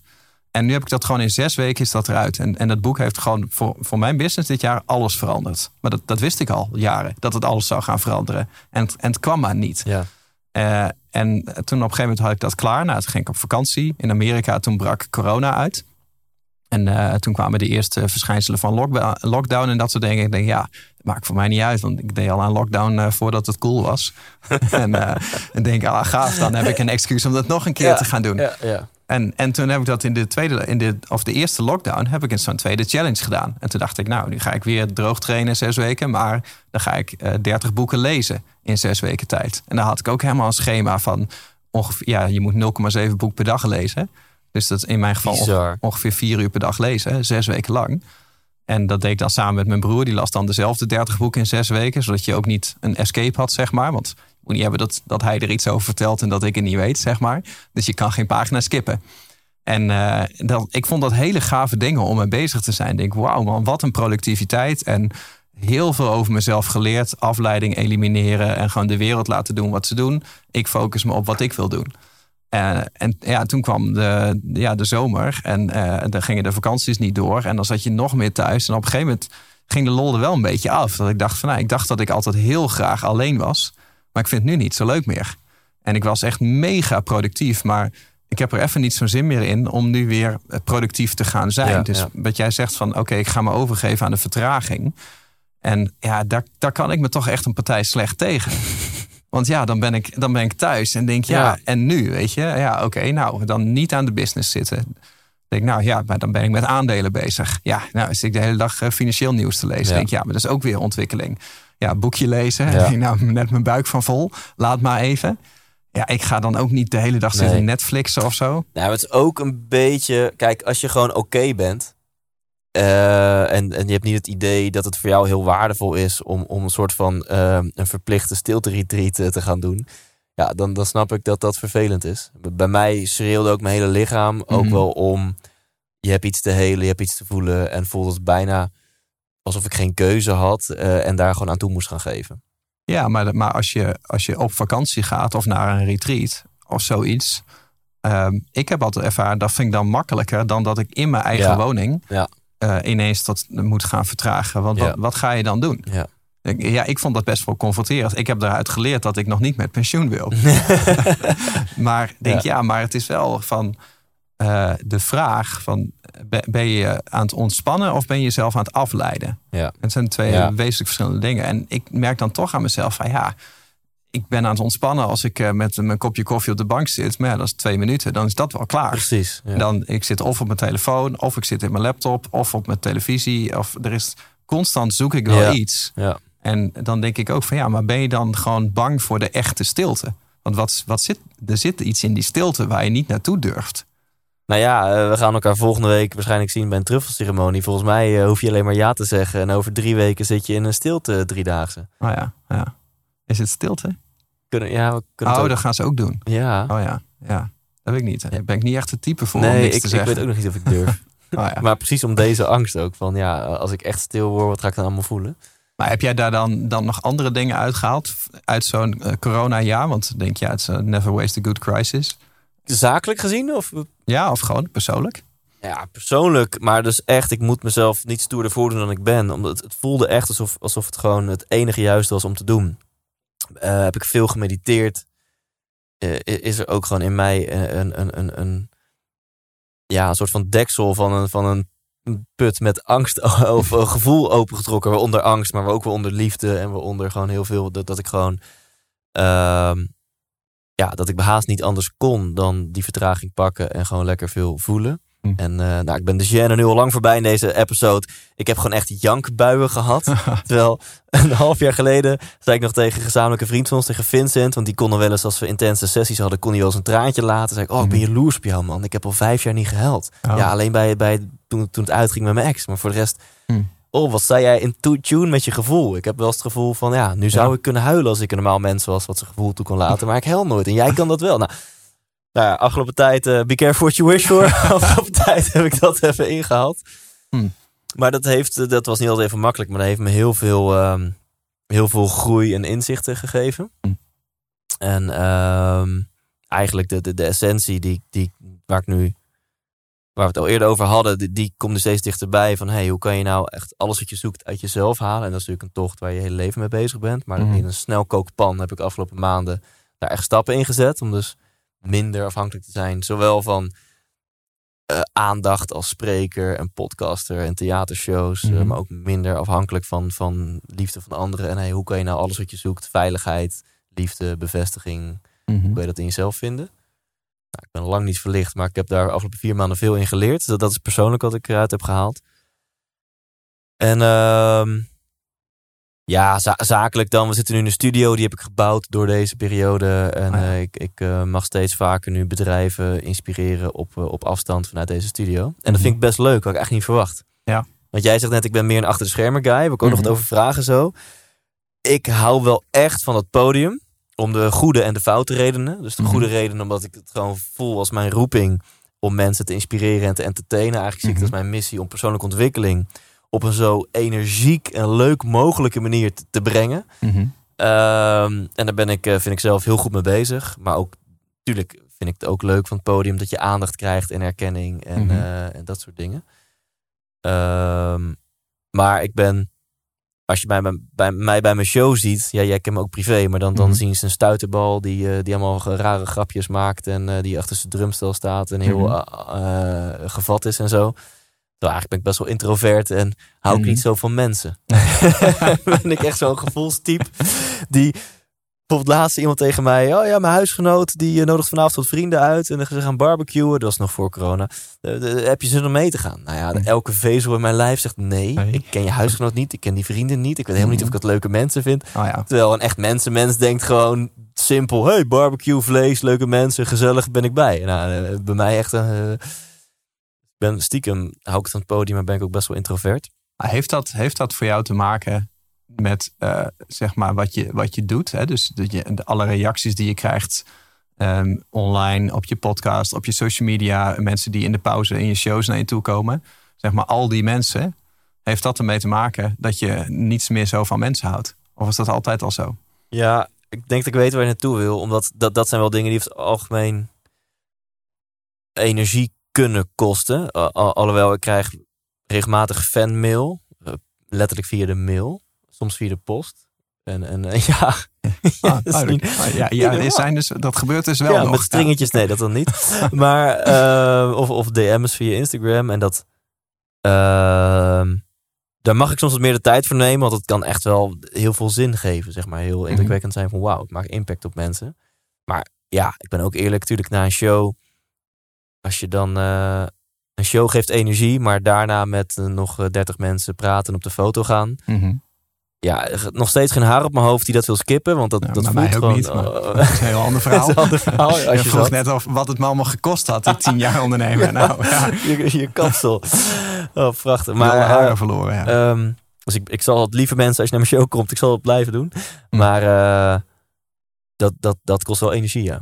Maar ik, ik weet niet of, het, of dat ertoe heeft geleid dat ik minder... Ik, ik, nee, ik denk niet dat daar een link is. Ik, ik ben gewoon... eh, ik ben gewoon heel... Ja, klinkt heel, heel fout of zo, maar ik ben heel selectief in een Hm. bepaald type mens. Wat mij energie geeft of zo. Mhm. En eh, misschien ben ik gewoon super gevoelig of ben ik gewoon een eikel. Het zal ergens in het midden zitten. Maar eh, gewoon, als je mij op een willekeurige verjaardag loslaat, ja, dan, dan Mhm. kijk ik echt om me heen van, is hier een persoon waar ik me prettig bij voel en waar ik wel een leuk gesprek mee kan voeren? Mhm. En anders wil ik gillend weg. Ja. Maar volgens mij herken je Dat en vaker naar feestjes gaan samen. ja, gaan lekker in een hoekje staan. Nou ja, ik, ik heb Ja. dus ik, ik heb dat al zo lang als ik me kan herinneren. Ehm, ik maak daar ook vaak grappen over op het podium. Van ik hou niet zo van andere mensen. ja. En ik denk van nou, dat is eigenlijk helemaal niet zo. Ik hou eigenlijk best wel van Ja. andere mensen. Ehm, en ik heb ook, ik bedoel, eh, ik heb het af en toe over, over eh, Team IMU. eh, ook in deze podcast. En ik had vorige week, want wij gaan naar een nieuw kantoor en ik wilde dat even leuk aankondigen en zo. Dus we hadden ook een, een, een online sessie waar ik eerst even een speech deed. Ehm, gewoon even stil te staan bij, bij waar we zijn, voordat dan het goede nieuws kwam van het nieuwe kantoor. En daar had ik ook wel een stuk in van, ja, weet je, er is, er is geen groep mensen met wie ik liever zou zijn dan, dan met jullie. En, en, en eh, Ja. dat kwam redelijk spontaan, maar ik voelde dat ook wel heel erg. Ik Ja. Denk, ja, we achteraf nog wel even over na zitten denken. Denk, ja, ik, ik hou wel echt van deze Ja. mensen. Dus blijkbaar hou ik van mensen. Alleen eh, bij mij zit gewoon heel erg mijn beeld van eh, mensen, zeg maar, is een beetje gevormd door wat ik, wat ik het merendeel van mijn leven heb gedaan. En dat is eh, gewoon ja, op het podium staan en online marketing tips geven. Ehm, en ja, ik vind het leuk om zeg maar eh, te, te spreken. Want ik ben gewoon iemand die lekker op de praatstoel zit. En, en ik vind het heerlijk om te vertellen en om het woord te hebben, blijkbaar. Eh, en als mensen daar iets uit willen pakken waar ze iets mee willen doen. En, en ze sturen daar iets over, dat vind ik ook leuk. Maar als ik één op één met iemand over marketing moet gaan zitten praten, dat vind ik vreselijk. Ja. Ik wil helemaal niet over marketing praten. En ehm, als ik iemand moet coachen, bijvoorbeeld, dat, dat, dat vind ik eigenlijk ook niet leuk meer. En dus ik merk dat, dat ik wist dat nooit precies waar die scheiding dan ligt. Maar ja, ik ben gewend om als ik van het podium afstap, dat er allemaal mensen om me heen staan die allemaal vragen over hun website hebben Ja. en over hun marketing. En dat zijn allemaal dingen waar ik het niet over wil hebben. Ja. Ik wil als ik van het podium afstap, ja, ik wil het over eh, bier en vrouwen en apres-ski muziek hebben en domme dingen en grappen maken die niet kunnen. Maar, maar niet over zoekmachine optimalisatie. En, en, en dat heb ik op social media heb ik dat ook. Ik denk, ik vind het een vloek en een zegen. Ik heb al Ja. een paar keer op het punt gestaan om mijn profiel te verwijderen. Maar ik dacht van ja, maar ik, ik, ik wil geen onderdeel zijn van deze wereld. Want dat is niet, is niet mijn wereld. En nu richt ik al mijn energie naar buiten. Naar al die mensen die ik niet ken. Ja. En, en dat belet me om die energie naar binnen te richten. Naar de mensen die, die eigenlijk heel dicht bij me staan. Ja. Dus als jij zegt van ja, mensen die lekker mensenmensen zijn. Ik denk dat iedereen dat wel is. Maar sommige mensen hebben gewoon alleen maar die andere kant. Ja. Gewoon van, ik heb mijn sociale leven en ik leef in Ja. het hier en nu en het offline. En dat vind ik iedereen leuk. En die hebben niet dat hele online stukken bij waar ze waarde aan hechten. Maar dit is wel interessant, want jij hebt jezelf ja, eh, de- toegewerkt naar eh, een van de, zo niet de online marketing goeroes eh, van Nederland. Eh, daar, dat, dat is waar de meeste mensen die jou kennen, waar ze jou van kennen. En ondertussen zeg je ja, eigenlijk hou ik er niet zo van om daarover te praten en wil Nee. ik het over hele andere onderwerpen hebben. Klopt, ik vind goeroe een vreselijk woord. En eh, eh, mensen, ik had laatst iemand die in een interview die zei, zei: Ja, ik vind het zo tof, jij bent, jij bent marktleider in Nederland. Zeg maar wat, wat bedoel je daar dan mee? Want ik weet niet eens in welke markt ik zit. Hoe kan jij dan weten dat ik marktleider ben? Eh, Of ja, je hebt een heel groot bedrijf gebouwd. Ik denk, nou, weet je, ehm, er zijn in het land zijn er tientallen, honderden mensen die meer verstand hebben van online marketing dan ik. Maar die hebben er niet voor gekozen om dat op een podium te vertellen. Ja. Die zijn er gewoon mee bezig. En de tijd die zij erin steken om ermee bezig te zijn, die tijd die steek ik in het beter worden, in het vertellen ervan, van wat ik al weet. Dus dat, dat, is, dat is niet zo dat ik de expert ben, maar Ja. Ehm, ik, ik gebruik dat, eh, zeg maar, mijn, eh, mijn eh, presentaties en mijn social media, dat het influencerschap, hoe vreselijk dat ook is. Ik gebruik dat omdat het gewoon een ex- extreme acceleratie voor de business is. Ja. Eh, dus het brengt me heel veel. En omdat het mijn business heel veel brengt, kan ik de business ook groter laten groeien. En eh, daardoor groeit het team. En dan krijgt het team alweer hoge salarissen. En daardoor gaan, ze, gaan we weer meer talent aantrekken en bouwen ze weer betere producten. En daarom hebben onze klanten, die ondernemers zijn, hebben allemaal weer betere websites. Waardoor ze allemaal nog weer succesvoller worden. Zodat zij ook weer personeel kunnen aannemen. En snap je het ripple effect? Ja. Dus ik, ik ben me heel bewust van, van oké, ehm, misschien dat ik het zelf niet altijd even leuk vind, maar het heeft wel heel veel effect. En die effecten vind ik wel heel leuk. Ja. Dus daarom, daarom vind ik het af en toe een beetje dubbel. Ja. Maar eh, in, in de kern is dit niet, eh, nee, is dit niet wie Is ik ben. Nee. Nee, nee, nee, nee. En ik moet mezelf trouwens ook nuanceren door wat je zegt. Want voordat de luisteraars denken dat ik totaal niet van mensen hou. Terwijl jij dat zegt over jouw team, denk ik ook. Ja, zowel hier bij de duurzame adviseurs. Mhm, Als een blij ei loop ik hier door het kantoor. En eh, hou ik van iedereen die er zit. En mhm. Mijn crew en mijn live crew van de inspiratieshows en zo vind ik fantastisch. Ik hou van die mensen. En, Mhm. maar ik ben denk ik niet zo, ehm, niet zo extravert al in de zin van eh, in een groep laat ik gewoon niet zo snel op. Ik denk dat jij dat eh, ook wel eh, ervaart. Ik heb liever, ik vind dit met jou tof, één op één. Mhm. En eh, als hier nog één iemand bij had gezeten, had ook nog wel gekund. Maar als we nu met z'n vijven waren geweest, had ik gedacht, hm, ik- zou liever even één op één met Tony zitten. Dan kunnen we echt de, de diepte ingaan, zeg maar. Ja, ah, je vindt het vervelend dat er een camera op staat. Ja, we zijn eigenlijk met 10.000 mensen aan het praten. Ja. nou ja, maar kijk, Ja. weet je, ik, ik vind ehm, dit, dit vind ik heel leuk. Want, want je hebt gewoon een gesprek. En ehm, ergens is het misschien een beetje narcistisch dat dat dan opgenomen moet worden. En dat je het de moeite waard vindt omdat mensen aan het kijken. Maar ik heb, weet je, we hebben dat met Psychologie van Succes podcast en met IMU podcast. Er komen zoveel prachtige reacties. Gewoon, zeker bij psychologie is het vaak heel persoonlijk. Van, eh, mijn, mijn, mijn dochter zat in een burn-out. eh, of die was depressief. Of die zag het leven niet meer zitten. En die luistert de podcast. En die is helemaal weer opge- opgeklaard, bijvoorbeeld. Hè? Of, laatst kreeg ik een berichtje. Zei iemand, ja, als ik dan eh, thuis kom, dan zet ik de podcast aan. Als ik jouw stem dan hoor, dan voelt dat als thuiskomen. Ja, ja, ja. Dat is toch bijzonder, Dat is ja. heel bijzonder. Ja, Ja, ik vind het ook een beetje gek, zeg maar. Maar ik denk maar, oké, op die manier vind ik het leuk. Ehm, en dan wil ik echt wel eh, onderdeel zijn van, eh, van de maatschappelijke discussie. Of in ieder geval dat delen wat ik te delen heb. En dan moeten mensen zelf maar zien wat ze eruit halen. Ja. Dat vind ik heel fijn. Dat past bij mij. Ehm, maar ik heb ook jarenlang eh, presentaties gedaan. Hè, dat ik echt met mijn powerpointje aan het zenden was. Ehm, vond ik heel leuk. Maar dat, daar haal ik niet meer heel erg energie uit. En coaching net zo. Ja. Ik heb dat jarenlang gedaan. Ehm, maar ik denk, ja, met het feit dat, dat, dat het goed is voor je business. En het feit dat je het misschien goed kan. Want ik vind van mezelf op zich dat ik dat best goed kan. Dat betekent niet dat je het zou moeten doen. Want denk, waarom doe ik dat dan? Ja, is dat ja. dan omdat ik zelf vind dat ik een coach ben? Of doe ik dat dan omdat eh, anderen vinden dat ik een coach zou moeten zijn? Ja, dat, dat vind ik nog best wel lastig. Ik denk, ja, maar in de kern ben ik dat helemaal niet. Want ik vind ook dat hele introvert-extravert vind ik heel lastig. Want ik zou zeggen, ik ben een introvert. Maar ja, weet je, dat is helemaal niet zo. Want ik sta op het podium en in podcasten sta ik mijn gedachten op orde te brengen door het extern te brengen. Dus wat is dan introvert en wat is dan extravert? Dat, je, ehm, dat je graag alleen bent, is niet per se introvert. Ik kan ook heel erg opladen van andere mensen, maar wel van de juiste mensen. Ja, Ja. Dus ik vind die lijn vind, vind, vind ik een beetje lastig te bepalen. Van ja, wat, wat, wat is het nou precies? Ja, je hebt een hip woord voor, toch? Am- ambivert, is dat hem niet? Dat je dan een soort van eh beetje van beide hebt? ja, maar heeft iedereen toch wel? Denk ik. Ja, niemand is natuurlijk 100% intro of extravert. Ook niet, nee. We moeten langzaam gaan afronden, lieve Tony. Ehm, ja. Het mooie, ik zat mezelf net helemaal vast te praten. Ja. Goed, dat is een goed dat je onderbreekt. Ja. Fuck, ik zit nu in een hoekje. Ja, eh, laat ik de clichévraag maar mijden van waar sta je over vijf jaar. Maar zonder die clichévraag te stellen wil ik eigenlijk eh, een vraag van dezelfde strekking stellen. Als in, Hm. ja, je geeft nu aan van nou, ehm, oké, eh, komende tien jaar wil ik wel wat anders dan de afgelopen tien jaar. Wat, wa- waar ga je naartoe? Wauw. Ah, we hebben in dit interview wel heel erg de focus op die kant gelegd. En het is wel leuk om daar een keer over te praten. Want andere interviews gaan altijd alleen maar over de successen, zeg maar. Ja, En eh, ik vind het wel leuk om een keer over de andere kant te praten. Maar ehm feit is wel dat ik ben wel echt heel blij met wat ik doe. Dus ik, dus ik blijf dit ook gewoon doen. Ja. Ehm, maar voor mij is wat ik doe is niet per se mensen online marketing tips geven. Ehm, of of eh, de psychologie van succes podcast hebben. Of eh, een, een, een marketingboek uitbrengen. Dat is allemaal maar de vorm van nu.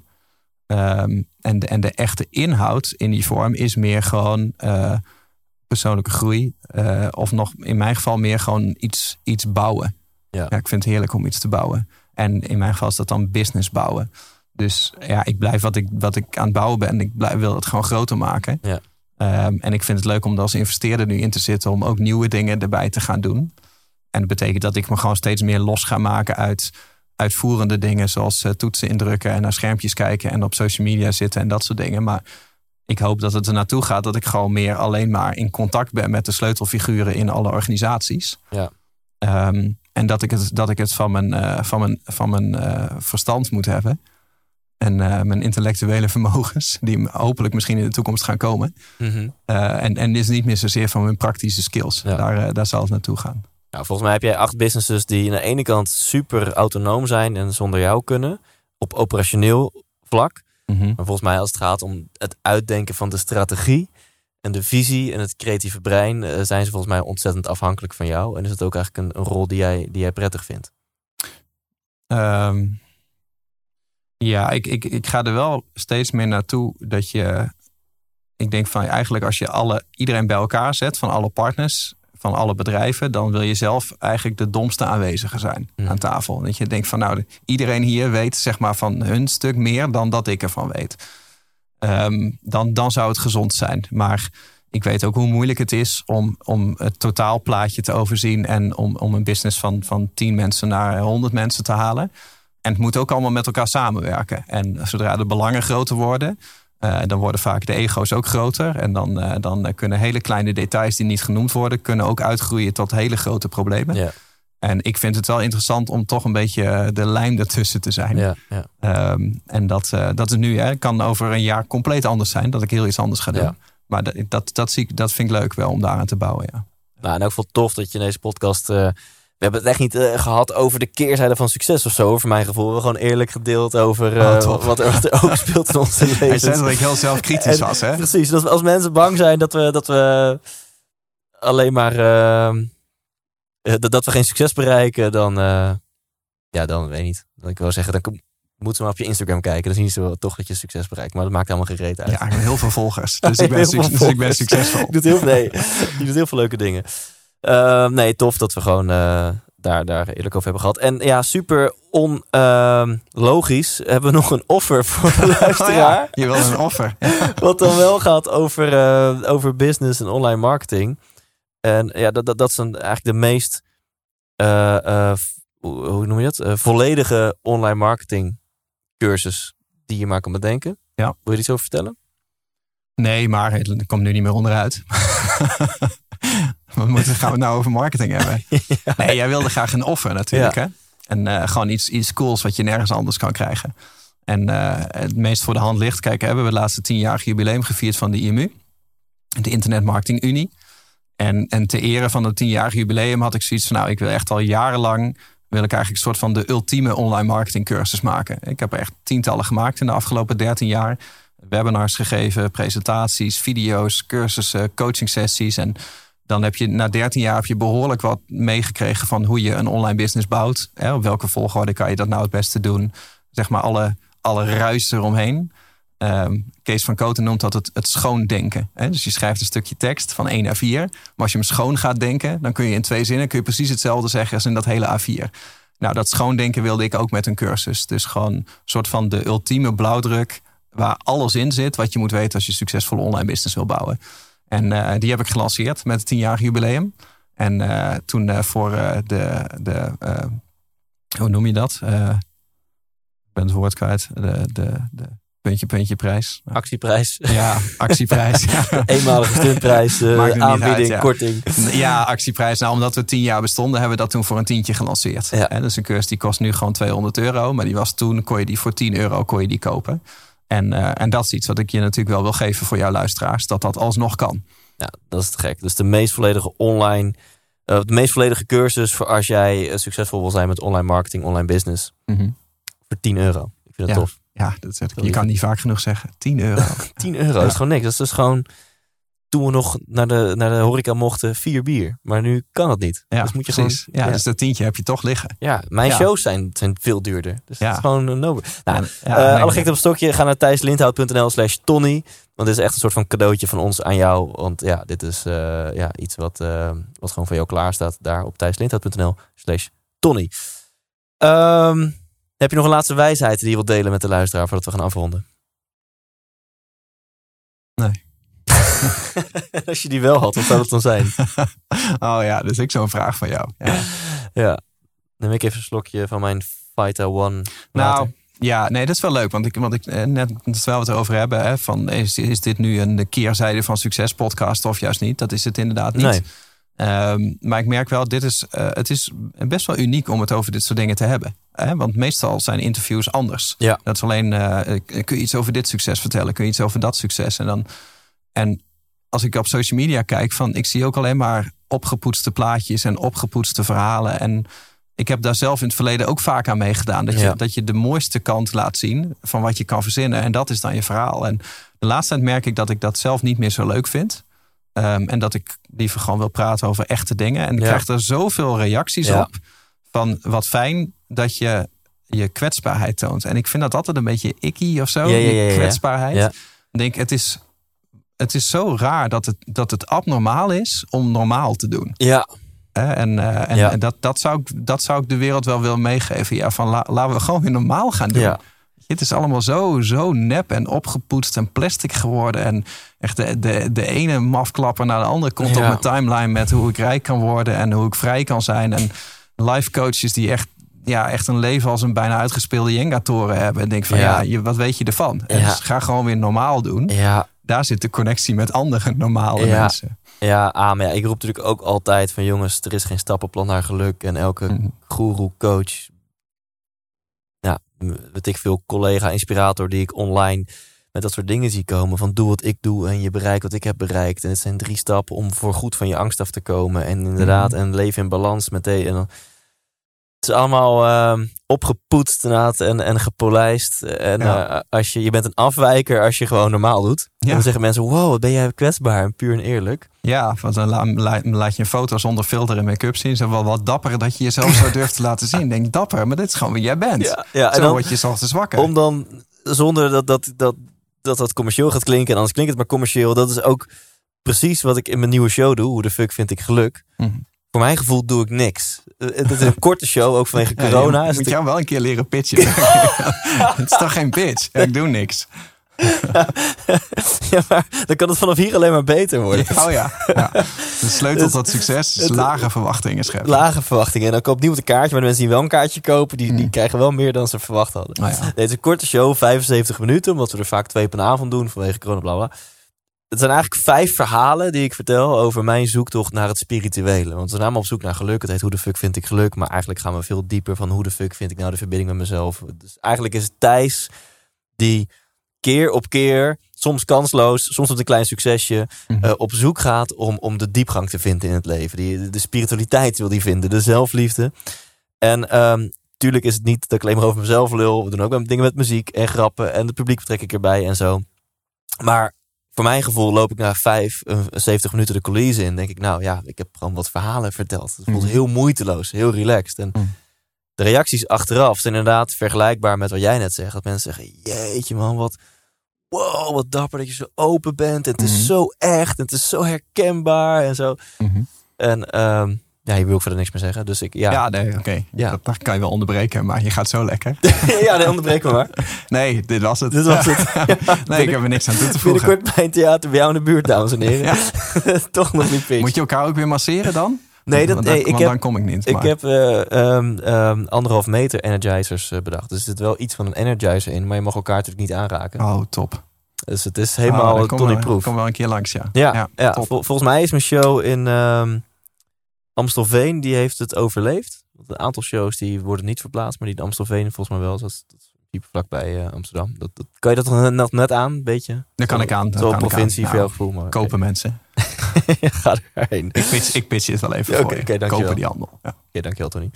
Oké, we, gaan, eh, we gaan afronden.